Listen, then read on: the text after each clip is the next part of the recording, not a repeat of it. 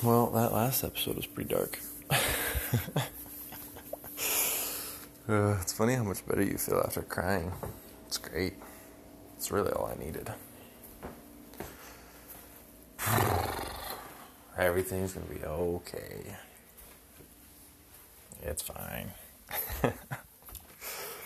uh, for real though, I felt so much better after crying. And then I watched Deadpool 2. And now I'm great. I mean, it still kind of isn't ideal.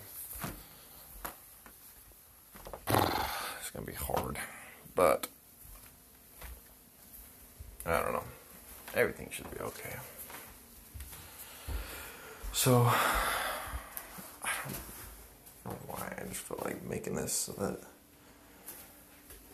I don't know why I'm making this. I just feel better. Felt bad for leaving it on a bad note.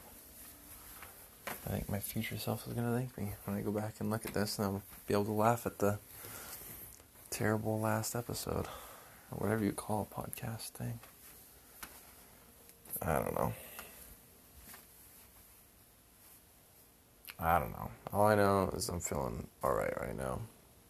I'm sure I'll have another episode in a week or two, so I'll see you then.